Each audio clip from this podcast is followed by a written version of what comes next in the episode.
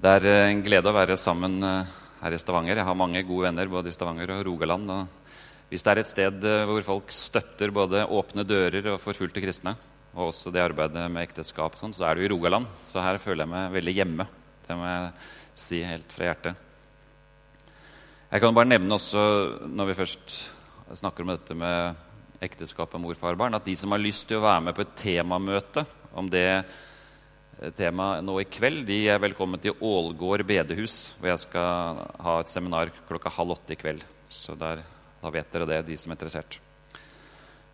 Men nå i dag så handler eh, saken om noe helt annet, nemlig eh, påsken og det som skjedde dagene etter at Jesus hadde stått opp. Og det er det vi nå skal snakke om og, og tenke over, reflektere over og forhåpentligvis eh, se noe nye aspekter ved hva det betyr for oss å leve som Jesu disipler etter oppstandelsen. Og For meg personlig så, så betyr det med påsken eh, som ja, det er alfa og omega i min egen tro. Hvis Jesus ikke har stått opp, og hvis Jesus ikke døde for mine synder på korset, ok, da, da kan jeg like godt slutte å tro.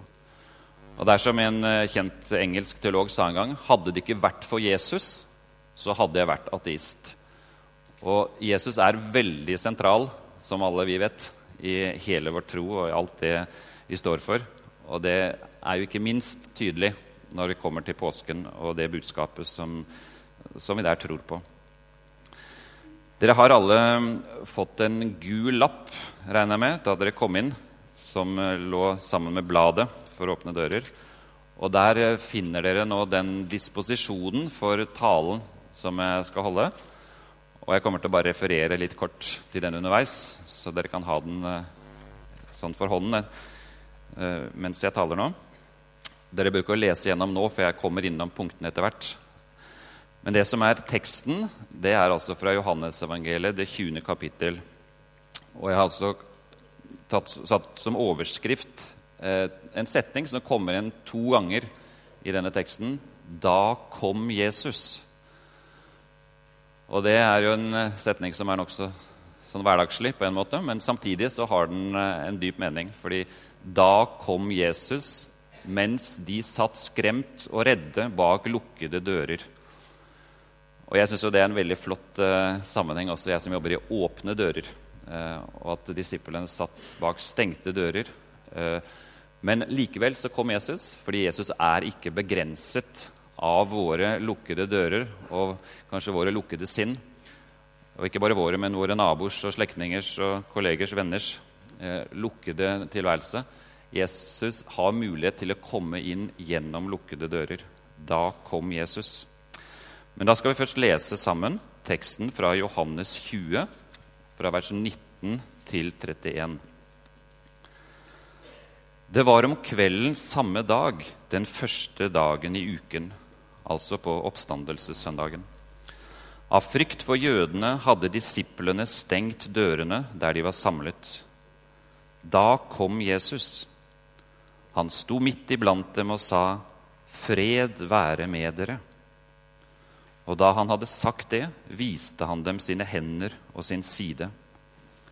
Disiplene ble glade da de så Herren. Igjen sa Jesus til dem, 'Fred være med dere.' Som Far har sendt meg, sender jeg dere. Så åndet han på dem og sa, Ta imot Den hellige ånd. Dersom dere tilgir noen deres synder, da er de tilgitt. Dersom dere fastholder syndene for noen, er de fastholdt.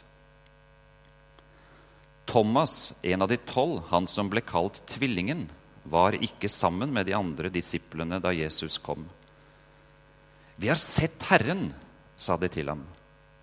Men han sa, Dersom jeg ikke får se naglemerkene i hendene hans og får legge fingeren i dem og stikke hånden i siden hans, kan jeg ikke tro. Åtte dager senere var disiplene igjen samlet, og Thomas var sammen med dem. Da kom Jesus mens dørene var lukket. Han sto midt iblant dem og sa, Fred være med dere. Så sier han til Thomas, Kom med fingeren din, se her er hendene mine.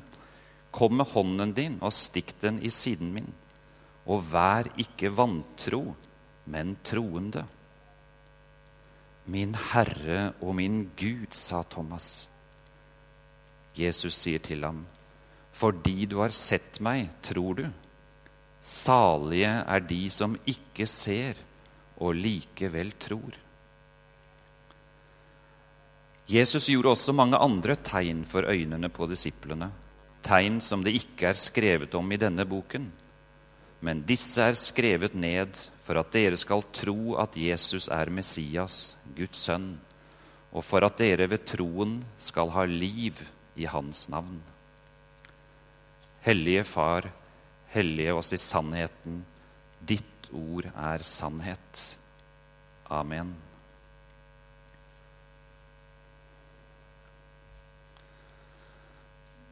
Denne teksten er en rik tekst med mange momenter som vi kunne holdt flere taler og bibeltimer over.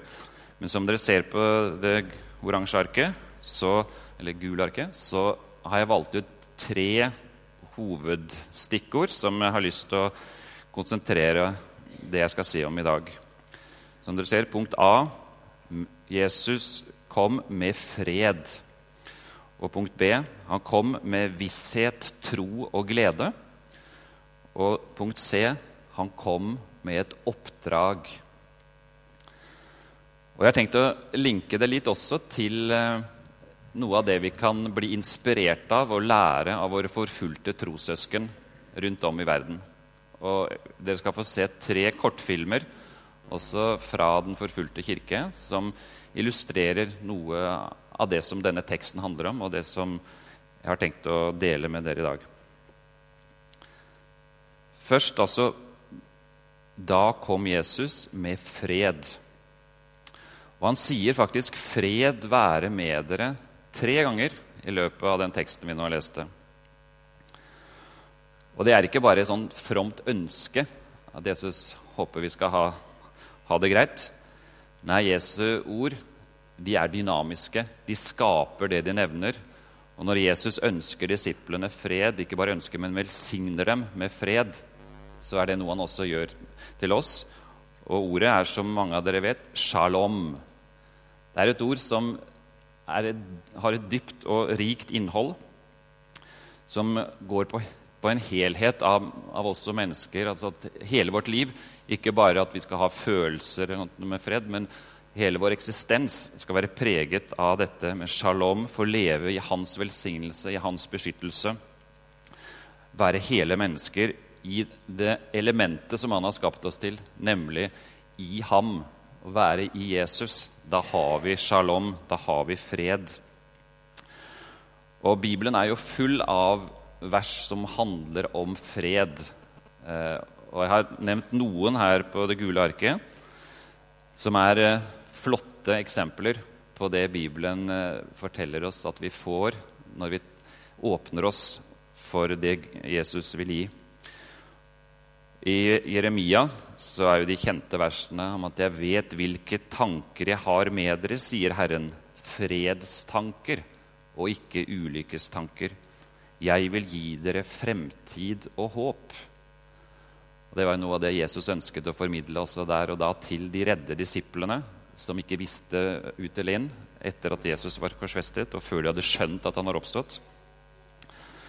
Og Jesus sier i en annen sammenheng.: Fred etterlater jeg dere, min fred gir jeg dere, ikke den fred som verden gir.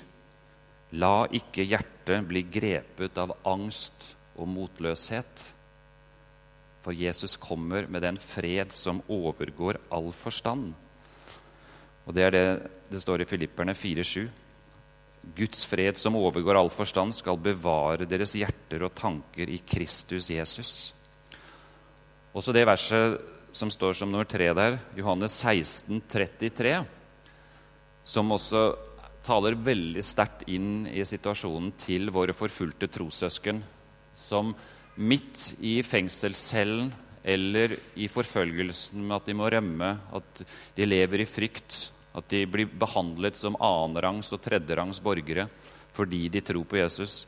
Så sier Jesus til dem, 'Dette har jeg sagt dere for at dere skal ha fred i meg. I verden har dere trengsler, men vær frimodige. Jeg har seiret over verden. Jeg har lyst til at vi skal se en, en liten kortfilm nå som eh, handler om frihet i Kristus. Og som de tre ordene fred, frihet og frelse henger jo veldig nøye sammen.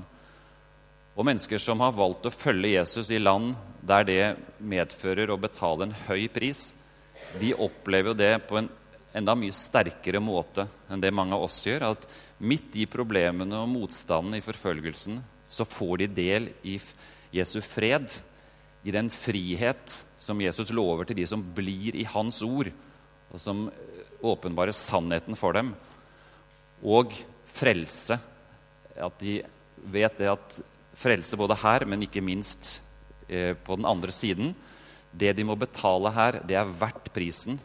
Det er verdt innsatsen, for de vet at de får noe utrolig stort når de kommer hjem til den, den hellige bryllupsfesten, den evige, eh, det evige livet sammen med Jesus.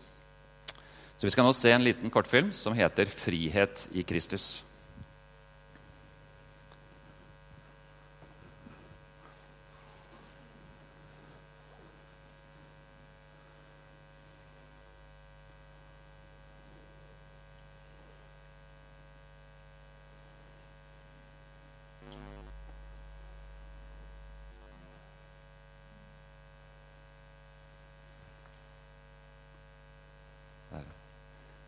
Kanskje noen problemer her. Er det noe jeg kan hjelpe med?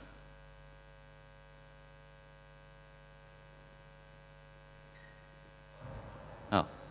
Ja, det er, ja, det er den andre filmen.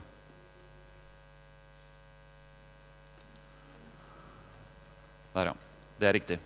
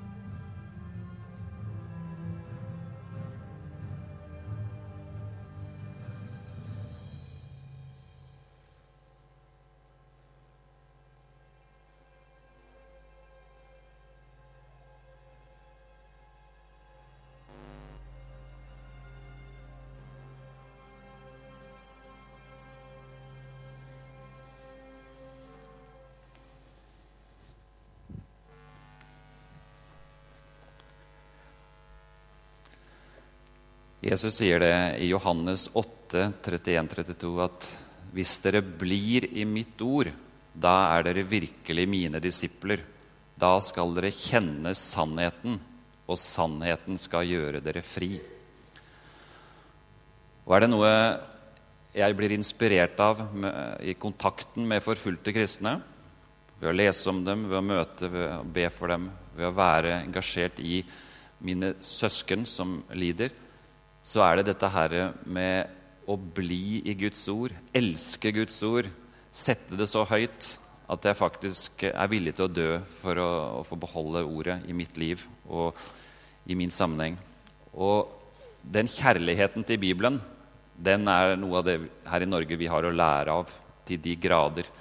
Det er jo tragisk at halvparten av bevisste og bekjennende kristne i Norge de leser sjelden eller aldri i Bibelen. Det viser flere undersøkelser de siste årene. Og det er jo bare et symptom på og et signal om den åndsfattigdommen som mange av oss opplever i Norge i dag. Det er jo fordi Guds folk selv svikter i å leve i Jesu ord. Og fordi vi ikke møter Jesus i ordet, så blir det jo veldig ofte sånn at vi opplever ikke at Jesus kommer. Han står og banker på døren. Se, jeg står for døren og banker. Om noen hører min røst og åpner døren, da vil jeg gå inn til ham. Da vil han komme og holde måltid med oss, og vi med ham. Dere fikk også et annet lite ark eh, ved inngangen, som er en side fra det heftet som jeg tror Ole Lilleheim har snakket om et par ganger, kommer snart, og som jeg er med på å lage, som heter Bibelblogg. Eller det kommer til å nå hete Bibelportal.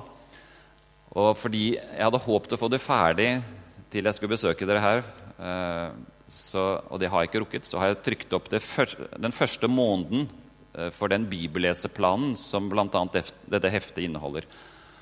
Og jeg skjønner at Ole har lyst til at eh, det skal bli noe felles aksjon her i menigheten på å, virkelig begynne å lese og følge en bibelleseplan som, som, går gjennom et helt år, og faktisk flere år. Og da de som har lyst til å komme i gang i dag, det er jo veldig praktisk 1. mai, det er jo første dagen i måneden, så kan de som har lyst til å begynne, og så i løpet av mai måned så blir det heftet ferdig. Så da får dere resten av både den bibelleseplanen, men også masse andre flotte ressurser. Så da er dette altså en liten bibelleseplan med tre spor. Det som heter mikrosporet, det er et par ett til to vers om dagen. Det som heter midi, det er et avsnitt på 10-20 vers. Og så er det maksispalten, som er, altså, fører deg gjennom hele Bibelen på ett år hvis du leser de tre tekstene om dagen. F.eks. første teksten om morgenen, kanskje en tekst til lunsj eller middag, og en tekst i kvelden. Det er en måte å gjøre det på. Og som dere ser også, så er det bare 25 dager i hver uh, måned. fordi særlig de som da følger maksispalten, om de mister en dag, så slipper de å ta igjen masse kapitler dagen etter. Så dette heftet, som dere da snart får del i, de som ønsker å bruke det og kjøpe det, eh, det kan bli til stor nytte, tror jeg, og vil hjelpe oss til å sette Bibelen i sentrum av våre liv på en ny måte. Og da får vi også del i Jesu fred på også en dypere og mer regelmessig måte. Da er vi kommet til punkt B på det gule arket, med Jesus kommer med visshet, tro og glede. Og det baserer seg jo ikke minst på det disiplene sier. Vi har sett Herren. De utbrøt og fortalte det til Thomas, som ikke hadde vært sammen med dem. Og i verset før teksten vår, som vi leste høyt i sted, så sier også Maria Magdalena til disiplene, kommer og forteller dem, 'Jeg har sett Herren'. Og det er jo grunnlaget for, eh, ja, for, Kirken på en måte, og for den første menighet. Det er at de hadde sett Jesus. Og det er jo noe som de hadde privilegiet med å få gjøre med sine fysiske øyne. Men vi har jo også den muligheten med, kalle, med hjertets øye, med våre åndelige øyne, å få åpnet synet vårt, åpnet blikket, løfte det mot Herren og få se Jesus. Og det dreier seg om det at den kristne tro er ikke primært noen religion, men en relasjon. En relasjon mellom oss og vår Herre Jesus. Mellom meg og Jesus, mellom oss som menighet og Jesus. Det er ikke et sett med ritualer og regler og masse ting som skal gjøres sånn og sånn. Nei, det er en levende relasjon mellom Jesus og meg. Og det er jo det som ikke var tilfellet i i første omgang der for Thomas at han hadde ikke møtt Jesus. Han hadde ikke fått gjenopp, si, gjenoppfrisket den relasjonen som han hadde hatt før Jesus døde. Han trodde kanskje alt var over. Men så fikk han jo heldigvis møtt Jesus uken etter. Og det som er interessant, syns jeg, med hvorfor Thomas ikke trodde, det er jo bl.a. det at han var ikke sammen med de andre. Det står jo to ganger i teksten også. Thomas var ikke sammen med de andre. Og Det sier litt om betydningen av det kristne fellesskapet. At når vi ikke er sammen med hverandre som kristne brødre og søstre, så mister vi noe fundamentalt. Og vi vil kanskje også oppleve at da kommer ikke Jesus oss i møte på den samme måten. Hvis vi blir sånne solokristne som tror at vi greier oss bra på egen hånd. Det er kjedelig å være sammen med kristne brødre og søstre. Det gir meg lite. Da, det er en, en, veldig farlig holdning, og særlig hvis den blir langvarig. Og det er jo dessverre sånn i Norge at vi har en veldig individualistisk tankegang. Både i kristen sammenheng, men også ellers i livet vårt. Der hvor verden sier at 'realiser deg selv', 'gjør som du har lyst', 'tenk på deg selv', der sier jo å bli uavhengig, gjør sånn som du mener er rett, der sier jo Bibelen akkurat det stikk motsatte. Bli avhengig av hverandre. Vær på legeme. Oppmuntre hverandre. Bare det ordet 'hverandre' forekommer jo dusinvis av ganger i Paulus' brever, hvor han oppfordrer oss til å fungere sammen som en kropp, som grener på vintreet, som lemmer på legemet, og som steiner i det byggverket som Gud holder på å bygge.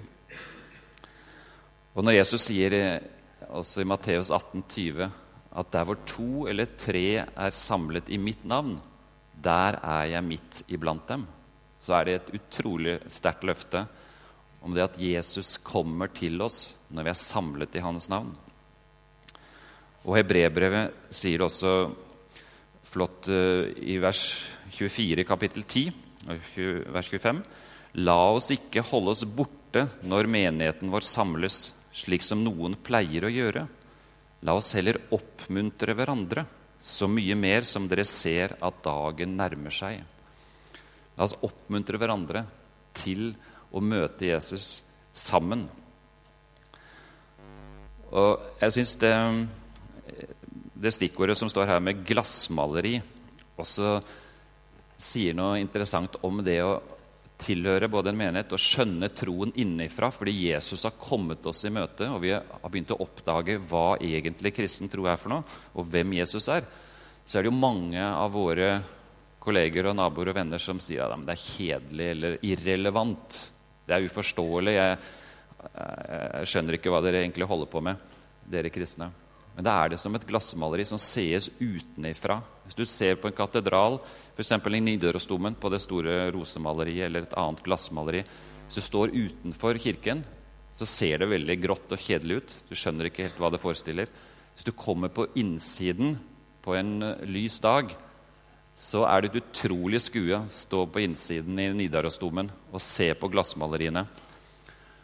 Og da skjønner man detaljene, man ser sammenhenger. man man ser de utrolig flotte fargene.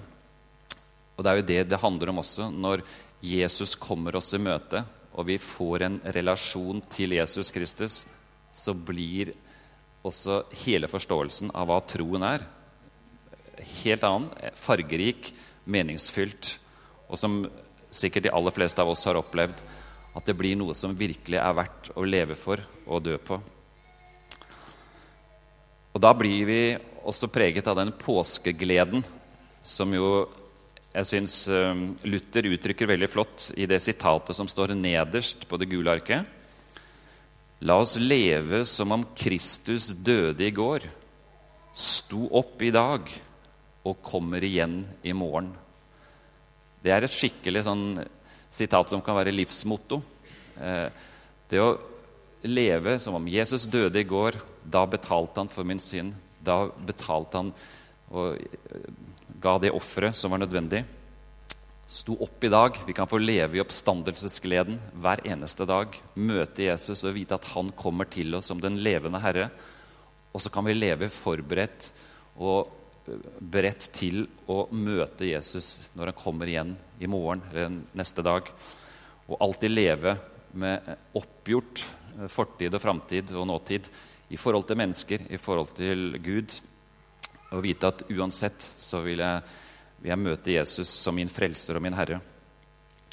Så la oss leve slik. La oss leve som Jesus døde i går, sto opp i dag og kommer igjen i morgen.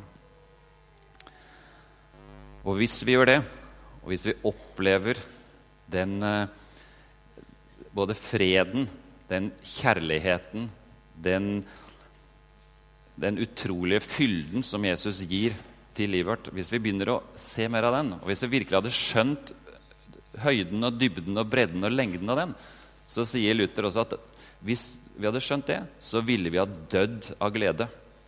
Så rik, så stor er den.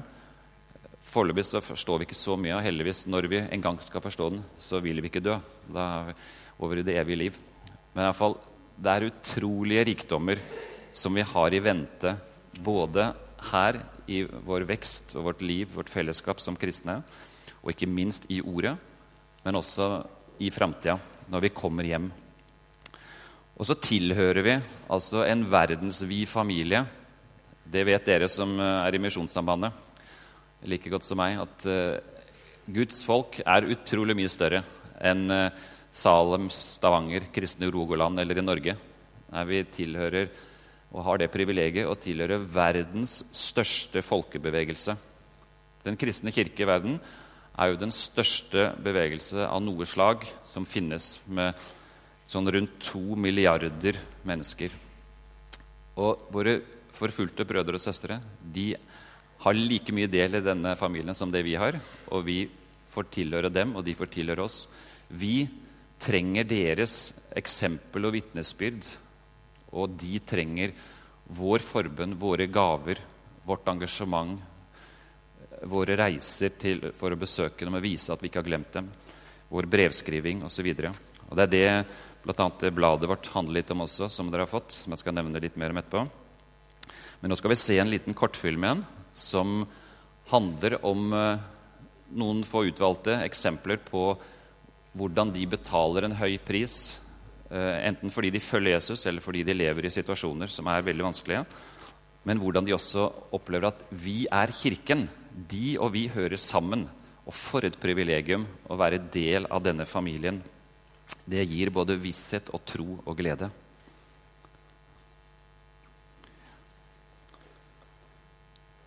Ja, både til eh, våre trossøsken i andre land og til oss så kommer Jesus med et oppdrag.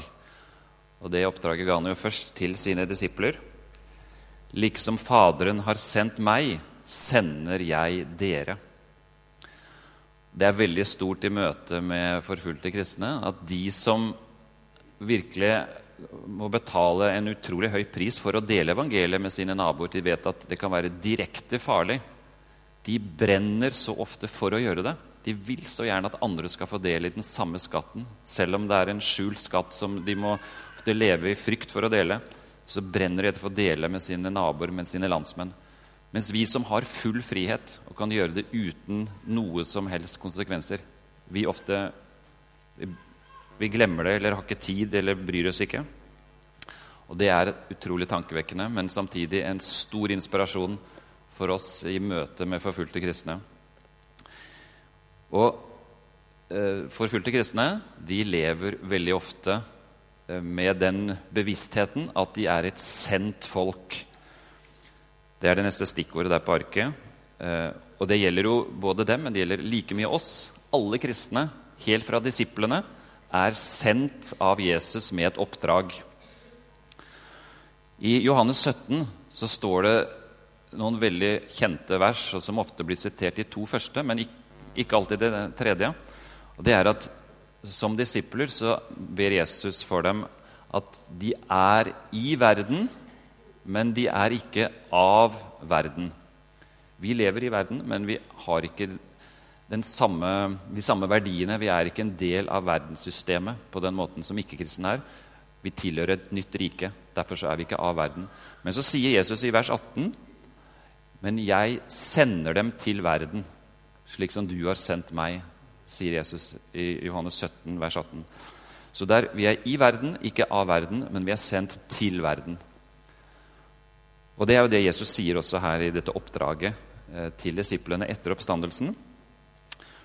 Og det har noe med hvor er vår identitet som kristne? Hva er, egentlig, hva er vi her for? Når Jesus har kalt oss og frelst oss, hva, hva er oppdraget vårt? Og da tror jeg det ordet 'sendt' det er utrolig sentralt og viktig. Og Det går jo fram av både denne teksten og andre tekster også, hvor Jesus sender disiplene, og hvor de skal de skal utføre noe for ham, nemlig å få med seg så mange som mulig på veien hjem. Og det er jo Misjonssambandet veldig klare på i alle mulige sammenhenger, og det er strålende. Og jeg leste var faktisk nå nylig for et par dager siden i Utsyn at temaet for uh, Misjonssambandets generalforsamling til neste år det er nettopp ordet 'sendt'.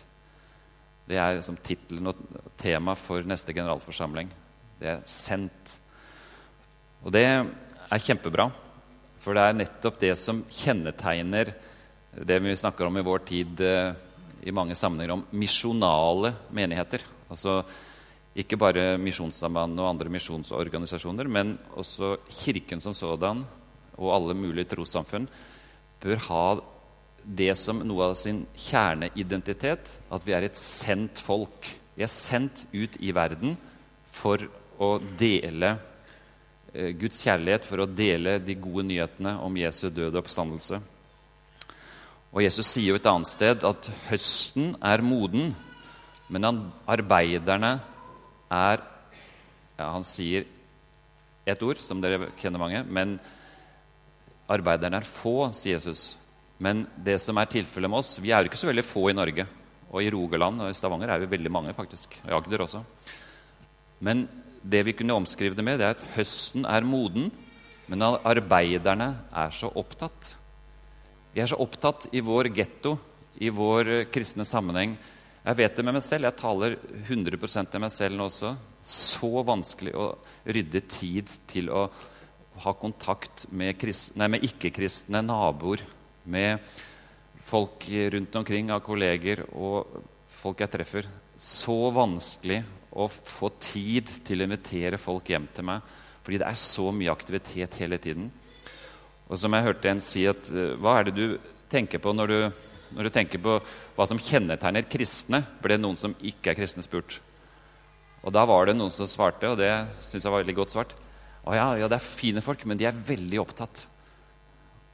Og det, det tror jeg gjelder mange av oss. Vi er så opptatt at vi nesten ikke rekker å utføre oppdraget med å være sendt til verden. Og det vi skal dele med, med våre naboer og venner og kolleger, og med nordmenn generelt, det er jo to ting. Det første det er at vi skal dele Jesus. Vi skal dele alt det han er og gjør, og han betyr for oss og for dem dele evangeliet, kort og godt, men med Jesus i sentrum for det hele. Og så for det andre så tror jeg det er både veldig bibelsk og også veldig strategisk riktig og viktig å dele av oss selv. Vi er som en åpen bok for verden, og vi må være villige til å dele av oss selv med det vi har opplevd, men også dele av våre ressurser og vår tid og våre krefter være åpne, ikke gå med maske og late som vi er noen andre, men være ærlige. Jeg syns um, en aksjon for det er vel nå 20 år siden kanskje, den uh, het Tid for tro, som var her i Norge. Misjonssambandet var også med på den. Og den hadde fire ord som handlet om åpenhet, som var veldig flotte. Og jeg, har, jeg pleier ofte å nevne et femte ord som godt kunne vært med også. Og det er for det første åpne mennesker. At vi må som kristne være åpne mennesker. Ikke bare fortelle om våre seire og late som alt det står bra til. Nei, jo mer vi kan være ærlige og åpne også av våre problemer og, og kamper, jo mer troverdige blir vi i møte med ikke-kristne og andre. For de ser at ja, vi er jo som, de, som, dem. Er det noe vi blir anklaget for, så er det jo at ja, kristne de tror de er så vellykket. Men at vi tør å være ærlige og åpne. Åpne mennesker. En, et annet stikkord for den aksjonen det var åpne bibler. Vi må virkelig leve med åpne bibler. både i våre egne liv, men også i møte med andre mennesker. Åpent snakke om at Bibelen er en bok som virkelig betyr mye for oss. Og dele bibelvers og utsagn fra Jesus og, og, ting som kan bety noe inn i, i, i andre menneskers liv. Og så er det 'åpne hjem', som var et tredje stikkord. Bruke hjemmene våre sånn som de første kristne gjorde. Dere vet jo det at i de tre første århundrene av kirkens historie så var det veldig få kirker og gudshus, fordi kristendommen jo i lange perioder i de tre første århundrene var en forbudt religion. Sånn som i mange muslimske land i dag også. Veldig få kirker. I Saudi-Arabia er det forbudt å bygge kirker. Det finnes ikke et eneste kapell i Saudi-Arabia. Men hjemmene våre er der.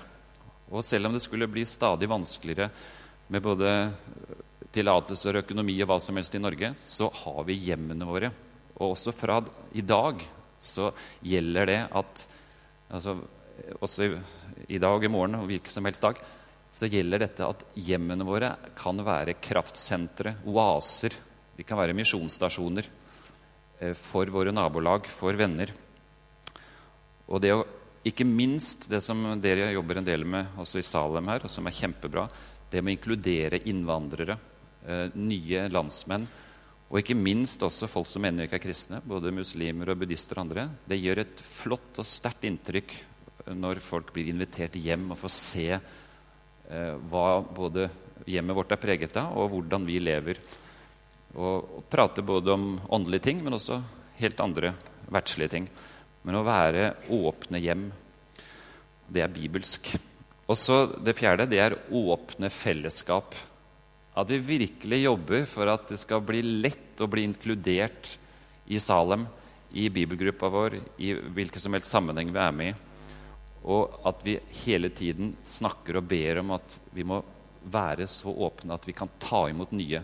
Ikke være fornøyd med at ja, det er oss syv som har vært i denne bibelgruppen nå i ti år, og vi håper ikke det kommer med noen flere, for vi har det så koselig sammen. Så det, da har vi ikke en eh, holdning av å være sendt og så har jeg lyst til, i tillegg til det med disse fire åpne mennesker, åpne bibler, åpne hjem og åpne fellesskap, så har jeg lyst til å legge til et femte, og det er åpne lommebøker. Det er å dele av våre ressurser. Det er å vite at vi må bruke våre midler, våre penger, til å investere i evighetsverdier. Og på veien hjemover, når vi kommer hjem, så kan vi ikke ta med oss noen ting av det vi har her på jorda. Alt blir tilbake, bortsett fra én eneste ting. Og det er mennesker som vi har hjulpet på veien og til å bli kristne, til å elske Jesus, til å komme hjem. Og det burde jo egentlig bety at vi bruker mye av våre penger til å investere i mennesker, investere i misjon, investere i barnearbeid, ungdomsarbeid som hjelper stadig nye mennesker til å bli kjent med Jesus og komme med. Og Da syns jeg det er tragisk at gjennomsnittlig i Norge så gir bevisste kristne 2% av inntekten sin til kristent arbeid. Ca. 2% Og så er Bibelen så tydelig på at tiende, 10 burde være det normale. Og Det betyr at vi har minst 5 milliarder kroner i underskudd hvert år i Kristen-Norge fordi vi holder tilbake 8% av det vi burde gitt. Så hvis du ikke har orden på givertjenesten din og vet at du gir 10% tiende, så vil jeg sterkt oppmuntre deg til å begynne å jobbe mot, mot det målet. Lag en liten ny underkonto på nettbanken din. Begynn å organisere det sånn at du setter av 10% hver måned når du får lønna. At det er giverkontoen min. Og så gi til ting du tror på ting du har sans for, og vite at da investerer du i evighetsverdier, og du lever bibelsk og er en forvalter som, eh, som jeg tror Gud gleder seg over. Og det dreier seg om å bli mer og mer lik Jesus. Når vi har et oppdrag å være sendte mennesker som skal presentere Jesus, gjøre ham kjent og eh, gjøre ham elsket blant våre venner, våre kolleger og naboer, så handler det om ikke å dra oss selv etter håret og anstrenge oss på en sånn kunstig måte, Nei, det dreier seg ikke om å ta seg sammen, men om å være sammen med Jesus. La seg prege av ham og bli mer og mer lik Jesus i vår måte å tenke på, være på, bruke våre ressurser. Han skal vokse, jeg skal avta. Og det er eh, noe av det som vi ønsker i Åpne dører også. Og som dere har, eh, ja, dere har fått alle dette bladet, som er eh, Mai-bladet. Og det, Den viktigste delen av dette bladet det er midtsidene, som inneholder en bønnekalender. Og Det vi oppfordrer alle abonnentene våre til, det er å rive ut midtsidene hver gang de får bladet, og så bruke den bønnekalenderen som har ett lite bønneemne for hver dag den måneden. Så vær med og engasjere seg, be for våre forfulgte trossøsken. I tillegg så står det også litt eh, oppbyggelsesstoff, litt eh, informasjon om personer og situasjoner i vår verdensvide kirke og de forfulgte kristne. Og så er det også hver gang et navn og en beskrivelse av en person vi kan skrive til og oppmuntre. Og Hvis noen av dere har lyst til å abonnere på bladet, så er det helt gratis. Og Da står jeg ute ved bokbordet etterpå.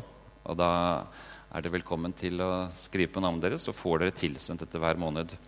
Og Da er dere med på å gjøre, og få mulighet til å gjøre det som forfulgte kristne ber oss om mer av alt. Det er vær så snill, ikke glem oss, be for oss.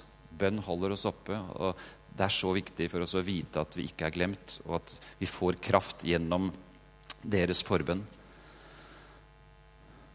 Da har jeg lyst til å avslutte med en film liten siste kortfilmen.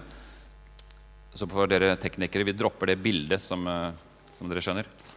Så vi tar en film som viser litt av det som eh, Åpne dører driver med, og som ikke bare Åpne dører gjør, men som alle som er opptatt av misjon, og ikke minst det å nå mennesker og kristne som virkelig betaler en høy pris for, fordi de tror på Jesus. Så da la oss se denne siste filmen.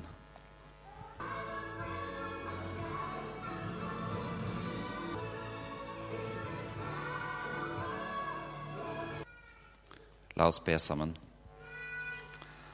Herre, takk fordi du kommer til oss. Takk fordi du kan gå gjennom stengte dører og stengte hjertedører. Takk fordi du kommer med din fred, med visshet, tro og glede. Og takk fordi du gir oss et oppdrag, både som enkeltpersoner og som forsamlinger, som kirker og som din verdensvide familie. Og Herre, hjelp oss å være trofaste forvaltere av de gavene som du har betrodd oss. Amen.